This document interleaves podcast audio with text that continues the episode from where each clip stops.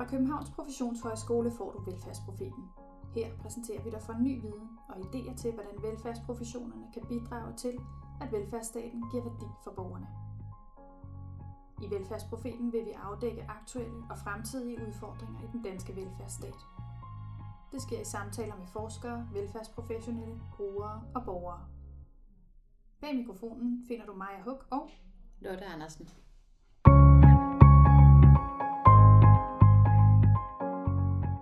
Velkommen til. I dag skal vi tale om FIT, Feedback Informed Treatment. Udsendelsen er en del af en serie af i alt tre udsendelser, hvor vi skal tale om inddragelse i den offentlige sektor. Velfærdsstaten er under et enormt ressourcepres. Vi har som borgere generelt ret store forventninger til kvaliteten af den offentlige service, samtidig med at de økonomiske ressourcer er begrænset. Udviklingen stiller os over for spørgsmål i forhold til, hvordan vi vil indrette og organisere vores samfund, og hvordan vi skal prioritere velfærd i fremtiden. I serien om inddragelse vil vi præsentere tre bud på konkrete metoder til øget inddragelse i forskellige sektorer af velfærdsstaten.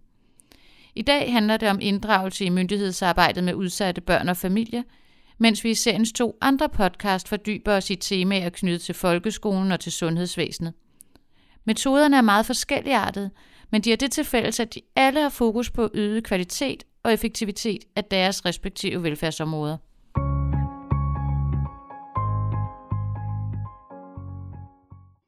Men Maja, du har i mm-hmm. faktisk et par år arbejdet med det her inddragelsesbegreb, øh, og din interesse blev vagt i forbindelse med sådan et, et projekt, I havde om øh, den organisatoriske specialisering af indsatsen på udsatte børneområde. Og der øh, blev du optaget af, hvordan inddragelse havde rigtig stor betydning for sagsarbejdet. Kunne du prøve at fortælle lidt mere om det? Ja, det kan jeg, og jeg har glædet mig vildt meget til, at vi skal snakke om det i dag. Altså, for det er jo noget med, at alle synes, inddragelse er vigtigt. Det forener alle de gode ord, vi talte om. Demokrati, mm. medborgerskab, rettigheder og også effektivisering. Øh, det er skrevet ind i lovgivningen. Politikerne kan lide det, den kommunale ledelse kan lide det, de professionelle lægger rigtig stor vægt på det. Men der er også noget, der er vældig udfordrende øh, af mange forskellige årsager på mange forskellige planer. Noget af det, vi var optaget af i vores projekt, det var øh, at se det med et organisatorisk perspektiv. Mm. Så vi så blandt andet på, hvordan det her med, at man som borger ofte møder mange forskellige professionelle, kan være udfordrende for inddragelsen. I meget specialiserede organisationer er det jo uundgåeligt, at man møder forskellige, både over tid, hvis man skifter afdeling, og også samtidig kan have flere sagsbehandlere på en gang. Og det er jo ikke noget, vi ser kun på det sociale område. Det kan man se mange steder. Øhm, og når der så også samtidig er medarbejderudskiftninger, så kan det betyde, at det får, man får nogle spinklere relationer, mm. og at der sker et videnstab. Som ligesom bliver udfordrende for inddragelse. Ja, og så skal ja. man jo også huske, at der kan være mange forskellige måder at forstå, øh, hvad inddragelse egentlig er. Okay, prøv lige at fortælle lidt mere om det. Altså, hvordan kan man have forskellige forståelser af inddragelse? Altså, i den her kontekst, det vi har kigget på, mm. der handler det rigtig meget om, hvad for en grad af deltagelse borgerne har. Ja. Hvis jeg skal give et eksempel, så kan man sige, at inddragelse med lav deltagelse, det kan være, hvis en borger bliver informeret om noget, eller giver noget information, eller bliver hørt om en eller anden færdigstrikket løsning på forhånd, synes du, det er en god idé, ja eller nej. Mens en høj grad af deltagelse, det befordrer, at man er med til at definere problemet. Mm. At mhm. borgerne er med rundt om bordet til at udforske en problemforståelse, kommer med indsatsforslag, kommer med ønsker og idéer til løsninger. Og at det også er noget, der får en reel betydning for sagens gang. Øhm, og der kan man sige, at i vores projekt, der så vi faktisk, at øh, flere af borgerne gav udtryk for, at de følte sig inddraget. Men når vi kiggede på deltagelsesstigen, så kunne vi se, at de faktisk havde en lav deltagelse. Okay, det lyder lidt mærkeligt. Hvordan kan det være, at de ikke opdagede, at de ikke blev inddraget? Hvorfor troede de, at de blev inddraget, når de ikke gjorde? Det kan der jo være rigtig mange gode grunde til, og noget af det kan jo også handle om, hvad for en inddragelse øh, ønsker man eller forventer man. Øh, men det vi også kunne se, det var, at øh, der var mange familier, der var rigtig glade for deres sagsbehandler mm. som lyttede til dem og som hjalp dem. Og de vil gerne give noget tilbage. Så hvad kan man give tilbage, når man sidder i den position som borger? Man kan give loyalitet, man kan give en positiv relation, man kan give støtte og opbakning til det, sagsbehandleren bringer til bordet. Det kan også sløre forskelle i, hvordan de forstår problemerne, hvis ikke man arbejder aktivt med det her. Hvis ikke man som sagsbehandler inviterer rigtig meget til, at nu udforsker vi det her sammen, og du har lov til at være uenig. Så der er ret meget på spil, og det er vigtigt. Hvordan, og sagsbehandlerne, du sagde, de var også interesseret i inddragelse, så hvorfor inddrager de ikke borgerne i højere grad, end de gør? Det kan der være rigtig mange gode grunde til. Øh, men det handler formentlig også om, at inddragelse ikke udspiller sig i et organisatorisk tomrum. Altså det vi kunne se, det var, at det har en betydning, hvad for en reel indflydelse sagsbehandleren faktisk kan give til familien. Så man kan sige på en måde, det former allerede sagsbehandlerens inddragelse, at de orienterer sig mod de indsatsmuligheder, de har. Og det er jo sådan set meget relevant, det kan man jo godt forstå. Okay, så det lyder som om, der er ret meget på spil på sagsbehandlerne, hvis de skal sikre reel inddragelse. Men jeg forestiller mig, at det også kan være lidt svært at deltage aktivt i sin sag som borger, hvis der er rigtig mange andre ting i ens liv, man bøvler med. Ja, altså den laveste øh, deltagelse så vi blandt familier, som mangler nogle specifikke kompetencer. Og det øh, handler noget om, at man skal forstå systemet, man skal kunne begå sig i det. Man skal have nogle skriftlige kompetencer. Man skal måske have noget støtte fra sin familie eller et netværk, en interesseorganisation. Og så også noget med at gå på mod. Øhm, men det betyder jo også, at der er en risiko for, at de mest udsatte bliver yderligere udsatte i forhold til det her inddragelsesaspekt. Altså jeg er blevet optaget af dels selvfølgelig, hvordan man som professionel kan understøtte en høj deltagelse mm. hos borgerne. Det er også noget af det, vi skal høre om med FIT. Øhm, så er jeg også blevet optaget af, at det ikke er noget, man bare kan gøre alene inde i et samtalerum eller via bestemte metoder. Det kræver også et organisatorisk setup, kan man mm. sige, som understøtter. Og så synes jeg, det er vigtigt, at vi er opmærksom på, hvad er borgernes forudsætninger egentlig for at indgå i de her inddragelsesprocesser, så vi ikke svigter de mest udsatte en gang til.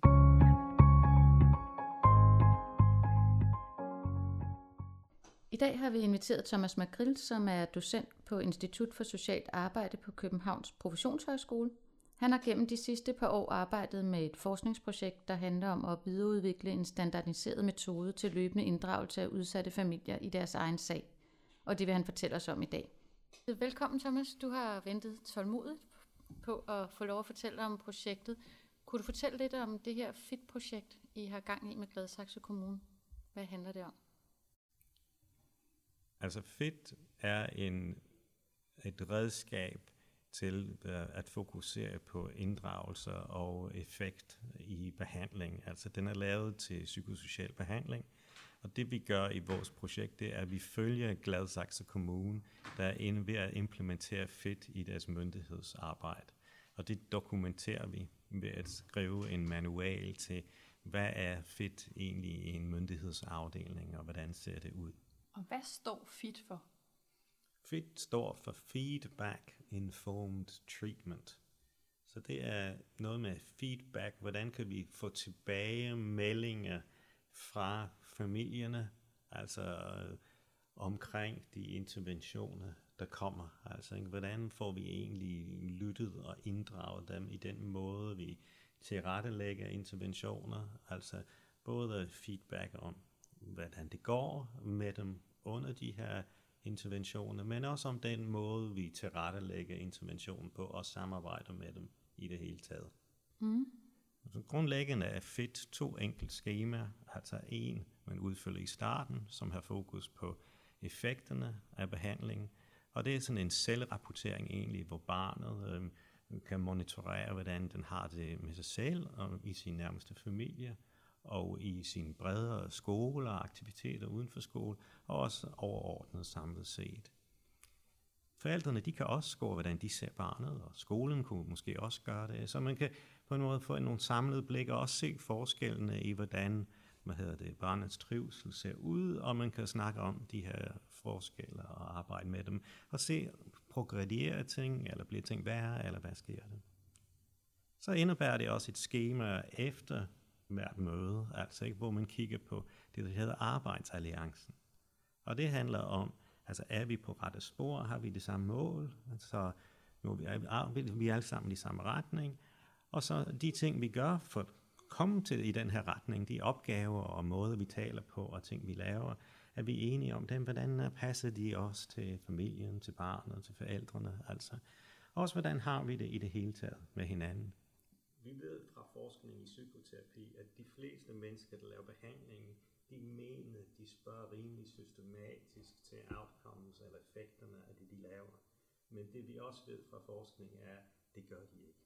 Udgangspunkten er familiens og barnets aktivitet i det hele taget. Altså de er i gang med at prøve at løse deres problemer på alle mulige måder. De er interesseret i deres børn sådan grundlæggende.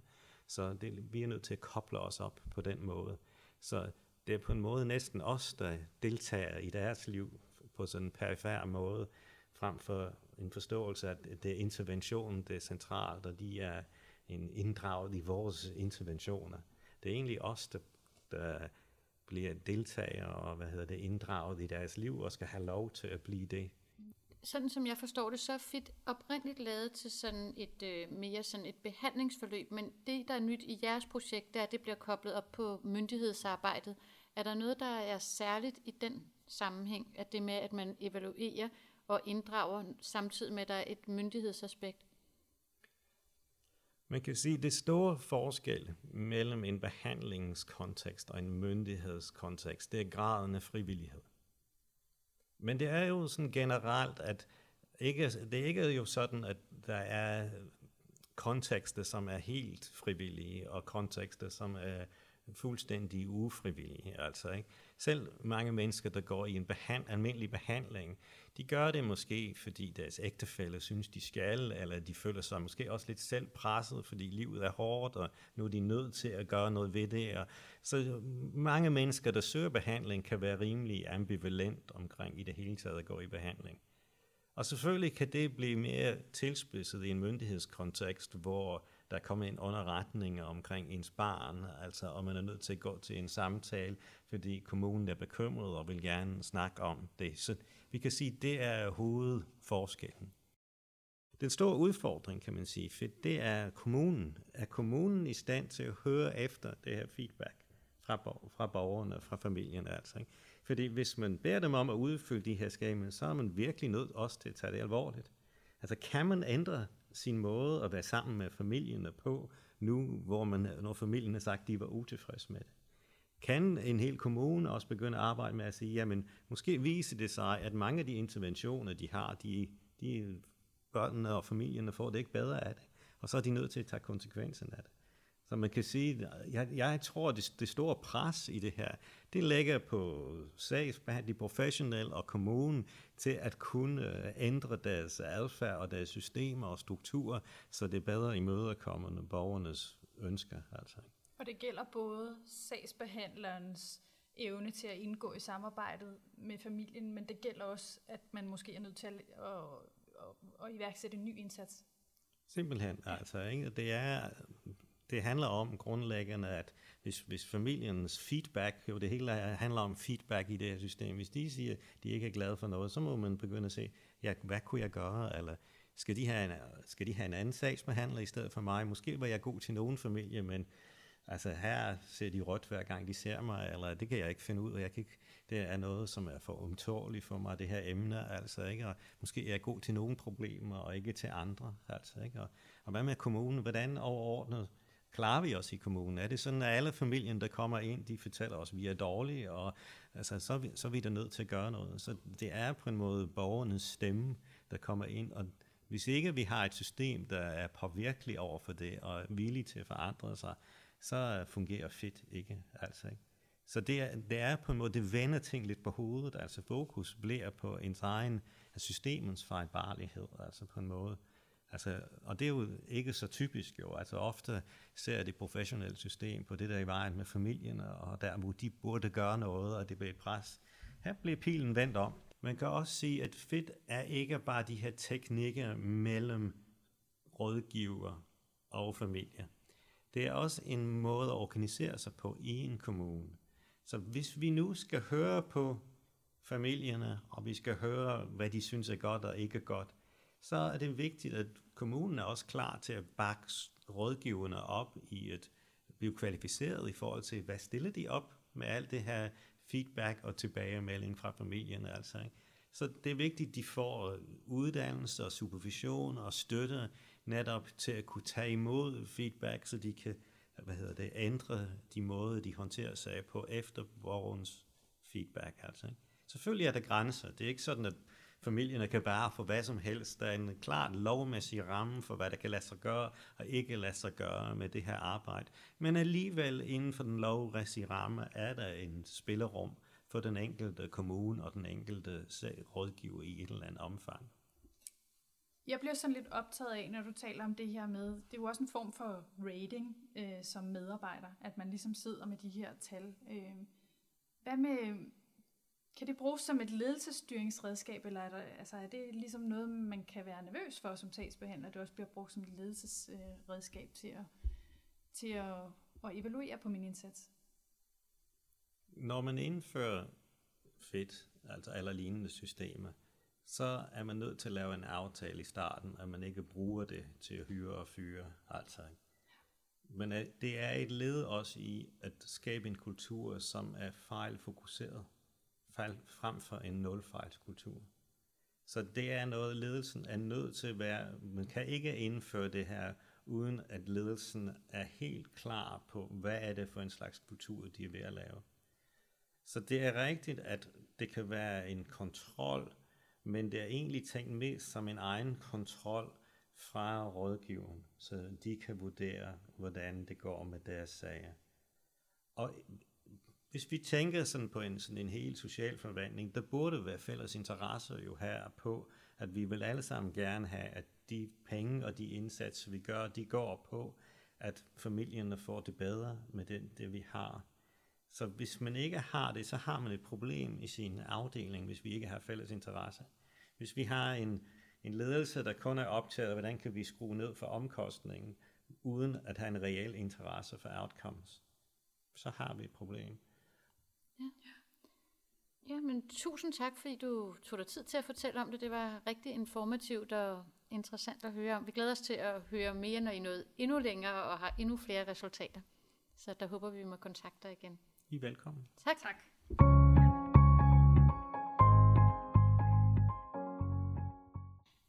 Og så har vi været så heldige at få endnu en gæst. Det er Sia Skjold Mosbæk, som er...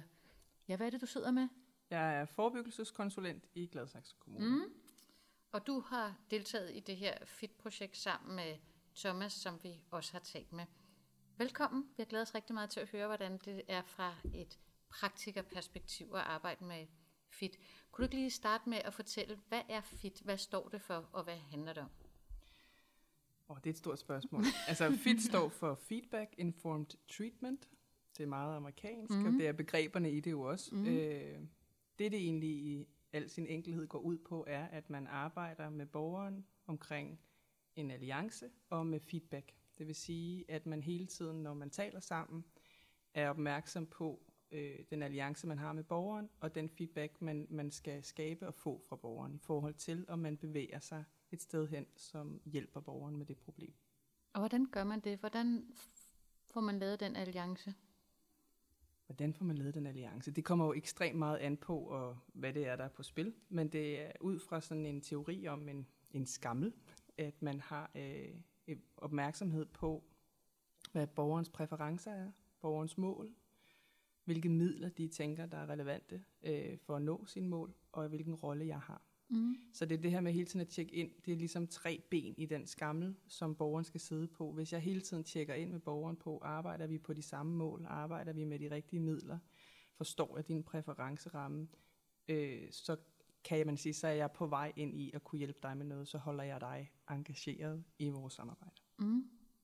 Og der er noget med, at I bruger nogle skemaer til at måle det med, eller hvordan? Ja, altså man kan sige, sådan øh, rent praktisk, så holder, forholder det sig sådan, når du har en, en, en session, som jo i virkeligheden er en samtale øh, med en borger, så har du øh, som udgangspunkt i starten af en samtale det, der hedder en øh, OAS-skema, du bruger sammen med borgeren, hvor borgeren skal markere på nogle forskellige parametre, hvordan de oplever at have det med sig selv. Man kan sige, det er sådan en, en grad af forpinthed, hvor meget oplever de de trives eller er forpinte i forhold til sig selv, i forhold til deres familieliv, i forhold til deres øh, skole eller øh, man kan sige, arbejde, netværk deromkring. Øh, og så generelt. Og det er ligesom, øh, hvad kan man sige, en måde for dem og mig at finde ud af sammen og visualisere, hvordan oplever du at have det. Når så samtalen er slut, så har man et schema, som egentlig er fuldstændig ens sat op, men der går man i stedet ind og beder borgeren om at øh, markere, øh, deres oplevelse af den her session, den her samtale. Altså, fik jeg lyttet? Fik vi talt om de ting, som, øh, som var relevante for dig at tale om? Fik vi, gjorde vi det på en måde, du kunne arbejde med de aftaler, vi har indgået? Er du tilfreds med dem? Altså man får simpelthen tjekket ind på det, som vi sammen har været i gang med den sidste times tid. Øh, gav det mening for dig? Kan du ikke lige definere for os SAS og OAS? SRS, det er feedbacken efter samtalen. Outcome, det er borgerens egen vurdering på deres trivsel eller forpinthed, grad af forpinthed. Øhm, så outcome rating scale, og så session rating scale. Så S'et er for sessionen, vi har haft. Ikke? Mm. Og det er jo der, hvor man ligesom skal øve sig rigtig meget i at få den der feedback på en konstruktiv måde, som gør, at man potentielt kan kigge på, er der noget, jeg skal skrue på til vores næste møde, for at bevare et større engagement hos dig, eller for at arbejde os hen imod noget, som kan hjælpe dig. Kunne du prøve at give et eksempel, hvor du i din egen sagsbehandling har ændret noget, eller hvor du kunne mærke, her gav det god mening? Altså, jeg har sådan nogle sjove scenarier nogle gange med børn faktisk, ja. som har givet øh, feedback på noget, hvor at, øh, hvad kan man sige, at de har siddet, så har jeg for eksempel spurgt dem til, øh, nu har vi jo siddet her og snakket sammen, og så kan jeg rigtig godt tænke mig at vide, om det fungerer den her måde, vi gjorde det på, fordi nogle gange, så kan børn godt synes, det er svært at sidde i et rum, og du skal sidde og kigge mig i øjnene, eller nogen har måske mere lyst til at gå en tur, eller, og så finder jeg pludselig ud af, at der er en for eksempel, der har siddet og holdt sig i en halv time, som ikke har tog at gå på toilettet, eller du ved, en anden en, som siger, sådan, at hun havde fået øjet på et spil under den her børnesamtale, som gjorde, at det har hun simpelthen bare så meget lyst til, hun kunne slet ikke fokusere på andet, eller sådan, så man har nogle, jeg har nogle gange fået sådan nogle, hvor jeg sådan okay, så hvis vi skal mødes igen, kunne det så give mening, at vi gjorde sådan eller sådan, øh, for at det her blev faktisk en rare samtale for dig? Tror, hvis man, hvis man øver sig meget i feedback-delen, øh, og det er jo noget der, hvor det, det er svært, øh, så er det jo faktisk, du bør ikke borgeren om at evaluere dig. Du beder borgeren om at evaluere den samtale, I har haft, og om du i den samtale formåede at få Altså du ved, hvis borgeren sidder tilbage, og faktisk hvis du inviterer dem nok ind, så kan de sige, at vi fik faktisk talt enormt meget om min eks, og det var ikke det, jeg var interesseret i at tale om, jeg var interesseret i noget andet. Så er det jo ikke noget, som egentlig handler personligt om mig, så kan jeg sige, det var, okay, jeg troede faktisk, det var det, der var det vigtige, fordi det var det, du lagde ud med, men jeg kan simpelthen forstå, at det var vigtigere for dig. Så man siger, så er vi jo ikke sådan, at vi pludselig når at tale om det, der var vigtigt, men jeg har nået at adressere, at der var noget, borgeren følte sig misforstået i. Ja. Og det er der, vi er tilbage i, at det så handler om alliancen. De går derfra og tænker, hun har faktisk fået undersøgt, hvad der var vigtigt for mig. Der bliver snakket mere om samarbejdet med familien i modsætning til, hvad man mangler af sagsbehandling. Okay, og ja. det gør noget fagligt rigtig positivt. Ja. Øh, fordi at hvis det hele tiden handlede om, at ah, så skal man i gang med en eller anden stor opgave, en børnefaglig undersøgelse kostede meget for mange, øh, og blev sådan noget, der var tungt at skulle gå i gang med, øh, til at det i virkeligheden handler om, så når man har fået flyttet borgeren, eller man ikke har, eller ja. om man er i gang med en god proces og sådan noget. Så man kan sige, at jeg synes, der er sket nogle ændringer fagligt, som giver rigtig god mening. Man kan faktisk godt bruge fit og stadigvæk bruge de tre huse i en børnesamtale. Det er ikke sådan, at man ikke må øh, have den metodiske frihed, som man egentlig også har haft tidligere. Der har været meget sådan tydelighed om at sige, at vi har fejret, når folk har fået dårlig feedback. Fordi det faktisk er umådeligt svært at få dårlig feedback. Altså ja. hvis man sådan prøver at tænke på, hvis man sad på en restaurant, og der kommer en tjener hen og spørger, smager maden jer? Ja? Så er det simpelthen så sjældent, folk siger, at den er alt for salt, jeg faktisk godt have noget nyt. De siger bare, at det er fint. Mm. så det der med rent faktisk at skabe et rum, hvor en borger tænker, øh, jeg tør godt at sige til dig, at jeg kunne bedre lide sidste gang, eller jeg synes, det var svært, at du blev ved med at snakke om det der, eller det er faktisk en ret stor værdi, ja. at man kan få den feedback. At det er et ret godt udgangspunkt i, at man har skabt et drøm, der er så trygt, at en borger tør at sige, hvad de synes, der var øh, svært ved samtalen. Men jeg får sådan næsten følelsen af, at din vurdering øh, bliver taget ud af ligningen. Er der stadig plads til din vurdering? Eller bliver det mere sådan en faciliterende rolle, hvor du ligesom, hvad, hvordan han oplever han det, hvordan oplever hans omgivelser det? Det bliver rigtig meget en faciliterende rolle. Og så kan man jo godt vælge at sige, at det, som jeg kan se, der, der understøtter vores alliance og relation, det er sådan, nogen kan bedre lide relation, nogen kan bedre lide alliance, nogen er bange for, at det, det betyder, det er, at vi gør det, du vil have det er jo ikke det samme. Der er noget, jeg kan følge dig i, der er noget, jeg ikke kan følge dig i. Kan du samarbejde med mig, selvom jeg er nødt til at blive ved med det her over, som du er uenig i? Og hvis jeg siger det højt, så er min erfaring ofte, at så siger de fleste, det er okay. Men hvis nu fitten viser, at øh, borgeren er utilfreds med sin sagsbehandler, eller med indsatsen, oplever I så også, at der er en reel mulighed for at gøre noget ved det? Det er lidt sjovt, du siger det, fordi vi har faktisk tit snakket om, hvor, hvad skal der til, hvis man så bliver scoret dårligt gennem længere tid? Er det så borgerens mulighed for at bede om et ny sagsbehandler? Og der er det min erfaring, at de borgere, der gerne vil have en ny sagsbehandler, de giver udtryk for det, med eller uden fit. Ja. øh, og at de drøftelser, der finder sted omkring det, øh, finder sted også før du når dig til fit. Eller, altså, så, så man kan sige, det har jo altid været et issue.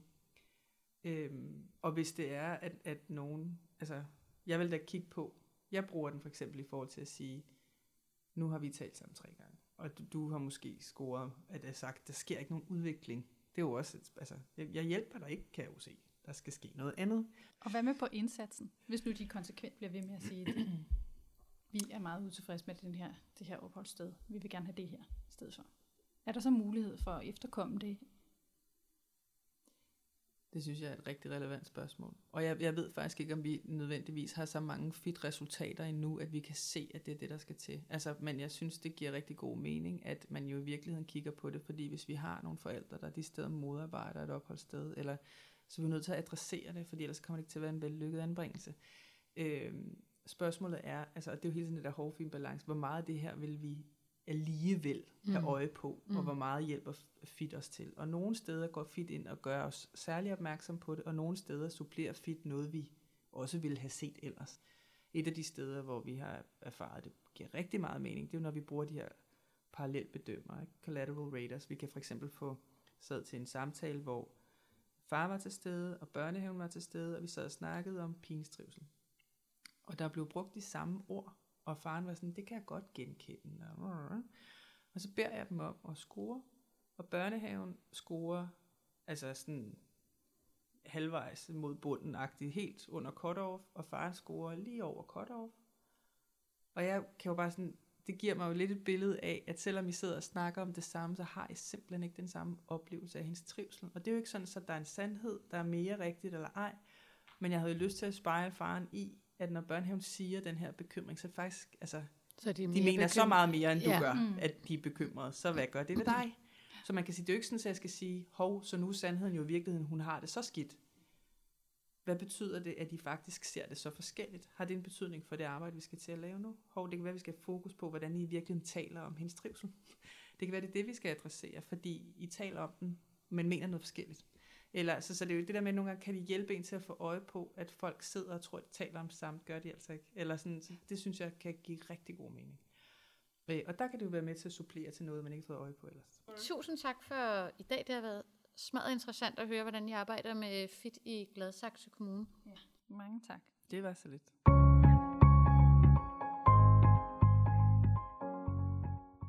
Så fik vi to øh, bud på, hvordan man kan arbejde, eller to input til, hvordan man kan arbejde med feedback-informed treatment i myndighedssagsarbejdet.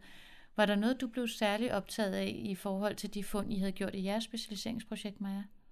Ja, altså jeg blev optaget af den måde, de talte om inddragelse på, begge to, synes jeg, hvor de ligesom kom, kom lidt rundt om det der med, at inddragelse netop ikke bare kan ses som en rettighed, som man kan sætte tjek ved, hvis man har spurgt til noget eller informeret om noget. Men at det mere handler også om, øh, om den måde, man ser på samarbejdet på. Altså at det i virkeligheden handler om, at, øh, at vi som professionelle skal inviteres ind i borgernes liv, frem for at, øh, at de skal inviteres ind i sagen. Ja, og jeg tænker også, du nævnte også i starten det her med, at selvom sagsbehandlerne har de bedste intentioner, så kan borgerne være tilbageholdende med at give udtryk for uenighed, fordi de synes, de skylder, og så betaler de tilbage med loyalitet. Og der synes jeg, siger, at I kommer, omkring, øh, kommer med nogle spændende, konkrete eksempler på, hvordan fedt kan bruges til at legitimere øh, uenighed eller forskellige, øh, forskellige problemforståelser, eller at, at borgeren lige frem kan give udtryk for, at det var faktisk ikke særlig hjælpsomt, den her indsats. Jamen, det er jeg meget enig i, og selvom det, jo, det er jo et redskab, så det handler jo selvfølgelig om, hvordan man bruger det, hvornår man bruger det, så det er stadigvæk en måde på en eller anden måde for at holde fast i og invitere til den her kritiske refleksion, både individuelt som professionel, men også i, det, kollegie- den kollegiale sammenhæng. Ja. Så det her, det handlede sådan om myndighedsarbejdet, som er komplekst på sin måde, fordi at man sidder med nogle, at der, der er en meget ulige magtfordeling, som man på en eller anden måde prøver at udligne gennem den her øh, særlige feedback-informed treatment metode. Men der er jo også andre mere øh, frivillige samarbejdsrelationer, og i de næste podcast, der skal vi tale om øh, inddragelse i folkeskolen, hvor vi skal tale om flip learning, og vi skal også tale om øh, patientinddragelse i sundhedsvæsenet. Mm. Ja. Vi høres ved.